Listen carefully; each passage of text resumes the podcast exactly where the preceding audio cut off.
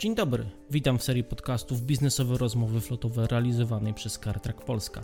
W każdym odcinku zapraszamy ekspertów, praktyków i ludzi biznesu, którzy przybliżają naszym słuchaczom konkretny segment motoryzacji w ujęciu rynku B2B. Biznesowe Rozmowy Flotowe to podcast, którego celem jest edukowanie i dzielenie się aktualną, rzetelną i tematycznie zróżnicowaną wiedzą w odniesieniu do sektora automotive. W podcaście rozmawiamy o trendach, prezentujemy case studies i wskazujemy kierunki rozwoju branży motoryzacyjnej dla menadżerów flot, właścicieli przedsiębiorstw, osób związanych z finansami firm i wszystkich, których biznes wspierany jest przez firmowe karparki. Ja nazywam się Wojciech Kukuła jako PR Manager CarTrack Polska zapraszam Cię na kolejny odcinek biznesowych rozmów flotowych. Witam serdecznie, Kukuła Wojciech w kolejnym odcinku biznesowych rozmów flotowych w CarTrack Polska. Tym razem będziemy rozmawiali o monitoringu GPS pojazdów, natomiast nie będziemy rozmawiali o naszych rozwiązaniach, dlatego zaprosiliśmy panią Małgorzatę Miller, reprezentującą kancelarię Krotowski Adwokaci, radcy prawni w Poznaniu, żebyśmy porozmawiali troszeczkę nie o technologii, ale właśnie o aspektach prawnych. Co dokładnie, to tego nie będę mówił, trzeba to wysłuchać do końca.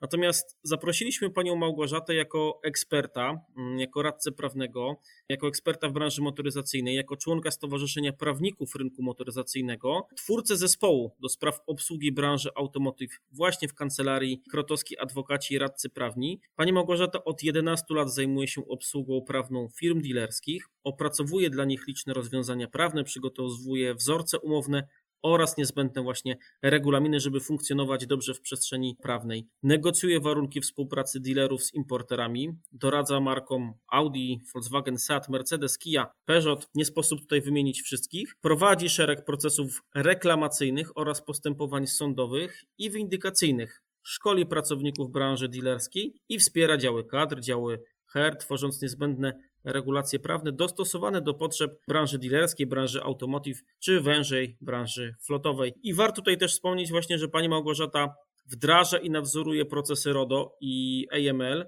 a w wolnym czasie zwiedza muzea motoryzacyjne w Europie i w zeszłym roku, bo rozmawiamy na początku 2023 roku, czyli pod koniec zeszłego roku przeprowadziła dla firm z branży dealerskiej e, przy udziale Związku Dealerów Samochodowych szkolenie ze zmian w rękojmi, które weszły w życie na początku roku 23 obecnego. To było szkolenie dla 120 osób, w związku z tym pani Małgorzata ten temat współorganizowała i po tym dobrym, mam nadzieję, wstępie witam pani Małgorzato serdecznie, dziękuję, że znalazła pani czas, żeby z nami porozmawiać. Witam państwa serdecznie, Małgorzata Miller. Pani Małgorzato, zaczniemy od, mam nadzieję, ciekawego zagadnienia, bo sam zakup systemu monitoringu GPS do floty, nie mówimy tutaj o kwestiach negocjacyjnych ceny, ale na jakie z Pani perspektywy, na jakie aspekty prawne w ramach podpisywania takiego kontraktu z dostawcą systemu należy zwrócić uwagę? Jakie są Pani jako eksperta radcy prawnego dobre praktyki i właśnie wskazówki w tym zakresie? Myślę, że proces powinien e, rozpocząć się od weryfikacji systemów, które oferuje nam rynek. No i oczywiście możliwości e, finansowych i prawnych. Mamy dwie możliwości. Pierwsza to jest e, zakup systemu monitoringu GPS floty oraz montaż urządzeń w pojazdach ze zgodą właściciela floty. Druga to najem urządzeń monitorujących lokalizację naszych pracowników. Kolejna kwestia to oczywiście zawarcie umowy o świadczenie usług z dostawcą takiego systemu. Jeżeli nabywamy urządzenia na własność, to należy przede wszystkim w umowie zwrócić uwagę na roszczenia, które wynikają z rękojmi lub gwarancji dwóch niezależnych od siebie reżimów prawnych. Odnosząc się do zakresu umowy o świadczenie usług związanych z obsługą zainstalowanych urządzeń, przede wszystkim powinniśmy zwrócić uwagę na warunki serwisu i gwarancji świadczonych usług, i czas reakcji na zgłoszone usterki. Oczywiście istotny jest czas trwania umowy i warunki wypowiedzenia tej umowy. Może się zdarzyć, że będziemy chcieli umowę wypowiedzieć w części. To znaczy, w przypadku, gdy rozwiążemy umowę z kilkoma pracownikami, w podobnym czasie będzie mniej pojazdów we flocie, będziemy ich mniej używać i urządzenia będziemy chcieli zwrócić, aby ograniczyć takie koszty w firmie. Wówczas będzie to istotne.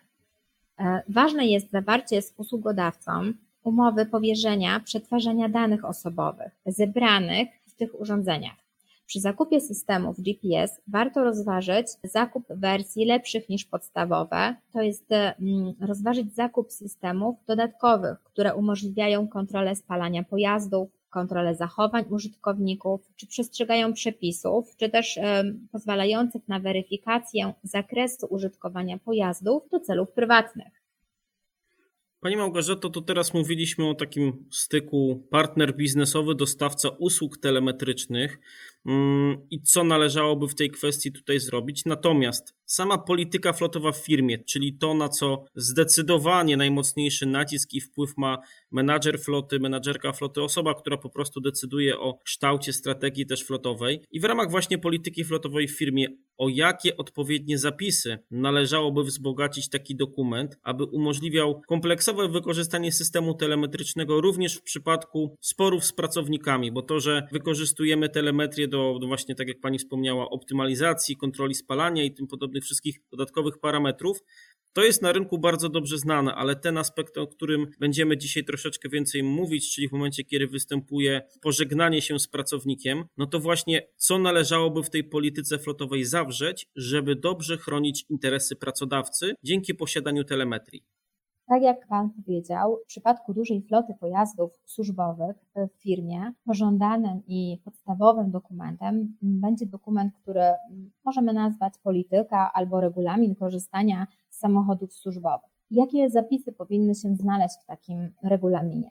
Przede wszystkim na wstępie musimy jasno określić, czym jest ten dokument, jaki jest cel wprowadzenia takiego dokumentu w firmie i do kogo on będzie miał zastosowanie a więc określić ten zakres podmiotowy i przedmiotowy stosowania takiego dokumentu. Warto wskazać metody pozyskiwania aut, czy to są ze środków własnych, czy to są e, leasing, wynajem długoterminowy, rodzaje środków lokomocji, a zatem aktualny stan floty i czy on jest powiązany z konkretnymi stanowiskami i co w przypadku degradacji bądź zmiany stanowiska na wyższe. Określenie także odpowiedzialności finansowej pracownika za użytkowanie pojazdu służbowego do celów prywatnych oraz tej odpowiedzialności i powołania się na przepisy mm, kodeksu pracy. Warto oszacować też y, cykl pojazdów w przedsiębiorstwie i warunki wymiany i e, sprzedaży pojazdów, a także wskazać ten podział obowiązków pomiędzy użytkownikiem pojazdu i menadżerem floty i ustalić te zakresy odpowiedzialności. Nie można jednoznacznie wskazać, że dane zapisy w polityce flotowej będą lepsze czy zawsze trafione, ale powinna być ta polityka dostosowana do potrzeb i do zakresu działalności danego przedsiębiorstwa. Kluczem do sporządzenia e, dobrej polityki flotowej, która zminimalizuje możliwość sporów pomiędzy pracodawcą a pracownikiem, jest oczywiście jej dostosowanie do potrzeb konkretnego przedsiębiorstwa i w sposób jasny, możliwie niedwuznaczny. Dlatego ważne jest, aby zapisy były proste, nieskomplikowane, nie budzące wątpliwości interpretacyjnych i ta zasada już znacząco pozwoli ograniczyć i złagodzić ewentualne spory z pracownikami.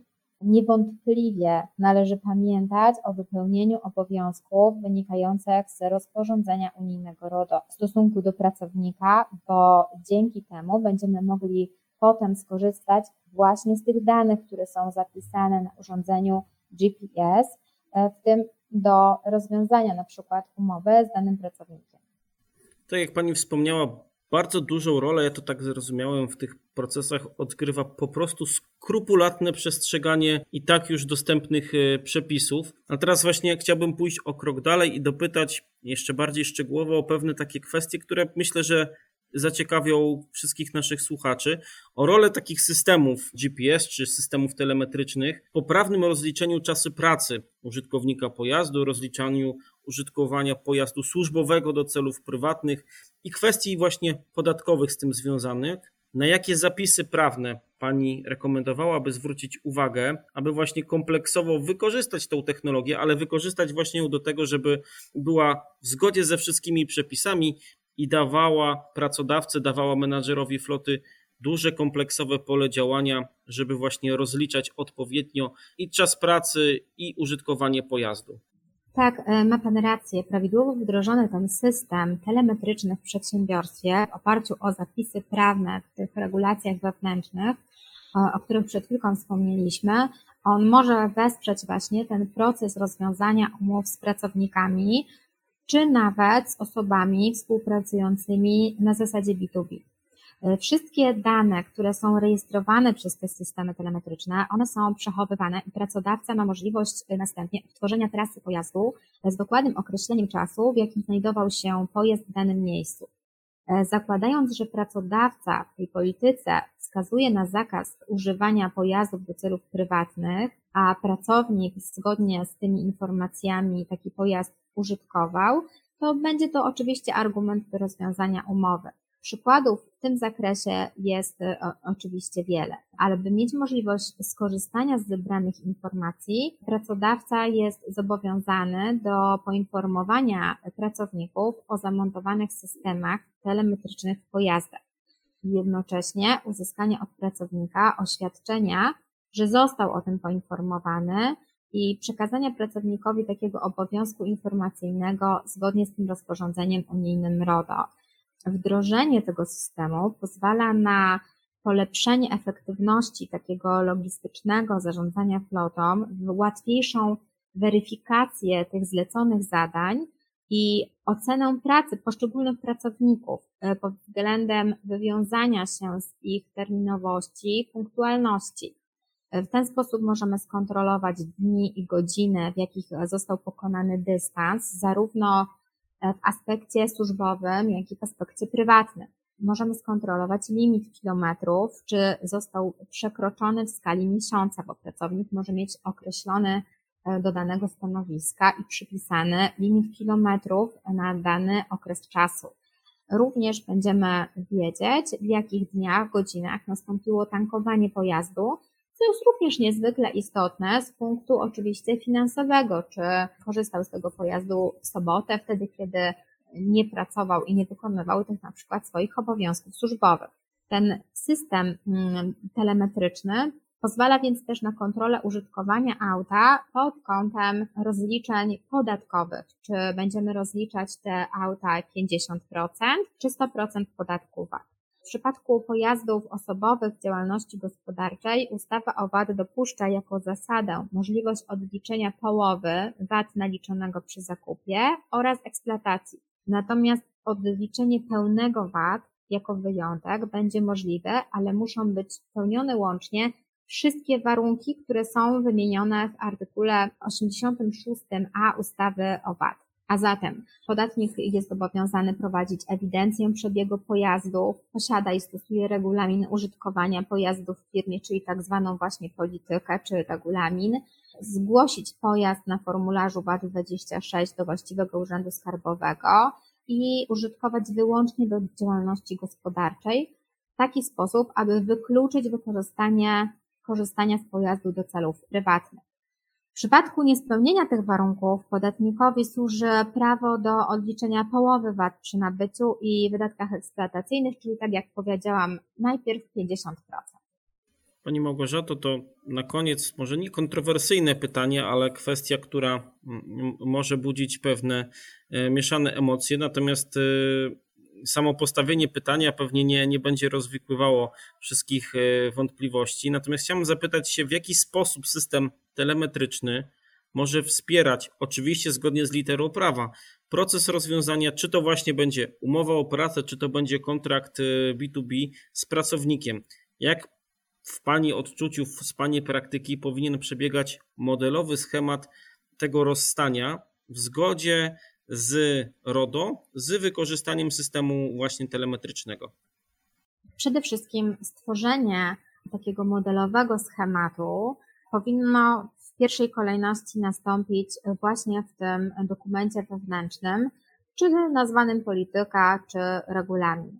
Te reguły postępowania, które są utworzone przez pracodawcę, a które są dobrze napisane w sposób zgodny zarówno z przepisami kodeksu pracy, jak również z przepisami rozporządzenia unijnego RODO, to w stosunku do pracowników, a oparciu o przepisy kodeksu cywilnego w stosunku do osób na B2B, może niejako uratować firmę przed y, konsekwencjami finansowymi.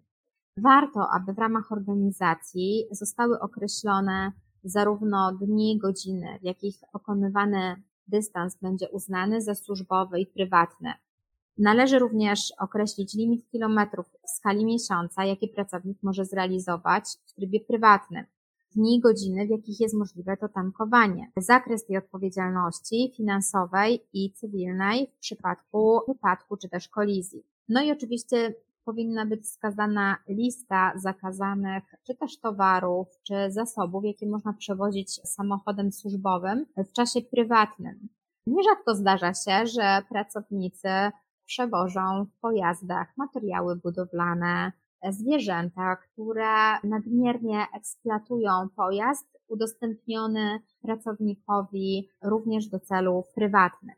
Zdarzyło się, że pracownicy uczestniczyli także w wyścigach samochodowych takim pojazdem służbowym, więc myślę, że warto w polityce dopisać, co pracownik może e, takim autem udostępnionym przez pracodawcę robić i wozić, a co nie.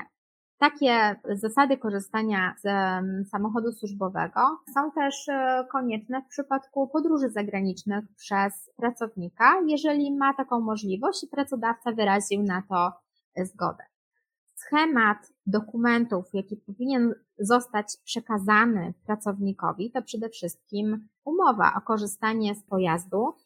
Pracownik powinien podpisać oświadczenie o odpowiedzialności materialnej za powierzony pojazd protokołem zdawczo-odbiorczym. Istotne jest wykonanie przy tym dokumentacji zdjęciowej pojazdu, w jakim stanie ten pojazd jest przekazywany przez pracodawcę do pracownika. Tak jak wspomniałam wcześniej, ważne jest przekazanie obowiązku informacyjnego RODO. Musimy poinformować pracownika, że zbieramy te dane, które są zapisane przez ten system. Pracownik musi nam oświadczyć, że przyjął do wiadomości, że taki system jest zamontowany w pojeździe. Jeżeli będzie korzystać osoba trzecia, najbliższa w rodzinie z tego pojazdu, warto, aby również to zostało zaznaczone, czy może jeździć partner, czy może jeździć małżonka, czy może mąż lub dziecko e, pełnoletnie z uprawnieniami pojazdem e, służbowym w tych celach prywatnych po godzinach pracy.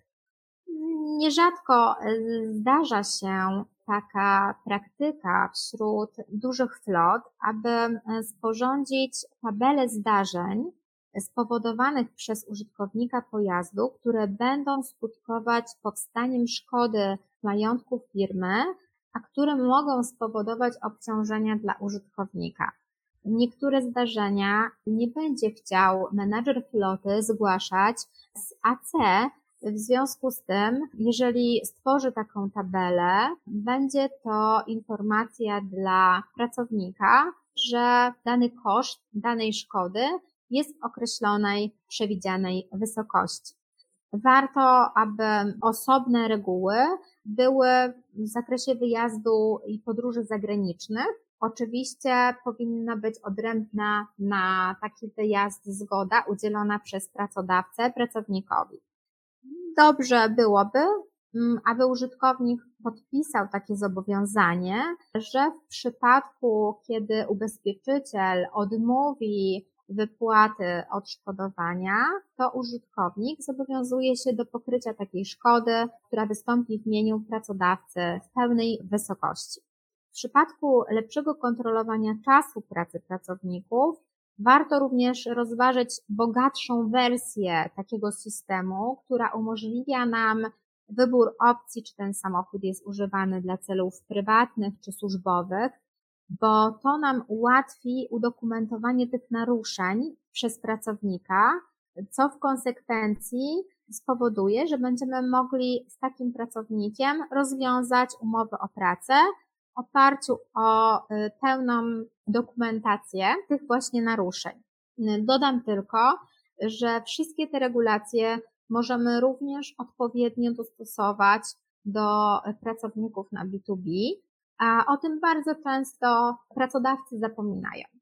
Pani Małgorzato, ja bardzo serdecznie dziękuję za tak merytorycznie skondensowaną pigułkę wiedzy, bo inaczej tego nie jestem w stanie nazwać, bo punktowo i, i wręcz wskazując odpowiednie zapisy, zademonstrowała Pani na przykładach też, w jaki sposób można technologię które nadal niestety wielu menadżerów flot i właścicieli firm e, w Polsce ma troszeczkę zaczarowaną jako coś, co może działać na ich niekorzyść. Można wykorzystywać, tak jak pani wspomniała na początku, nie tylko pod kątem oszczędności paliwa czy optymalizacji tras, ale tutaj właśnie w przypadku zabezpieczenia interesów pracodawcy, jeżeli chodzi o dbanie o mienie, o wykorzystywanie tego mienia firmowego. To były niezwykle cenne informacje, za które bardzo serdecznie dziękuję i dziękuję pani za poświęcony czas.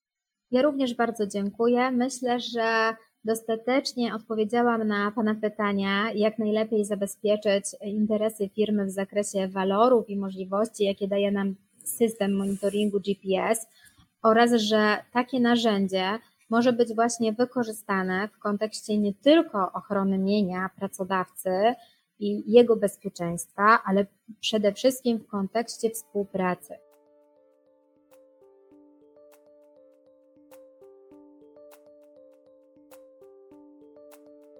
I to wszystko w tym odcinku. Dziękujemy za jego wysłuchanie. Zapraszamy do zapoznania się z innymi materiałami, które znajdziecie na kanale CarTrack Polska na najpopularniejszych platformach streamingowych jak Spotify, YouTube, Google Podcast czy SoundCloud. Pamiętaj, że do tego materiału dedykowana jest treść premium w postaci prezentacji podsumowującej nagranie. W opisie materiału znajdziesz instrukcję, jak ją pobrać. Zachęcam Cię również do, do odwiedzenia naszej e-biblioteki pod adresem magazyn.cartrack.pl. Do usłyszenia.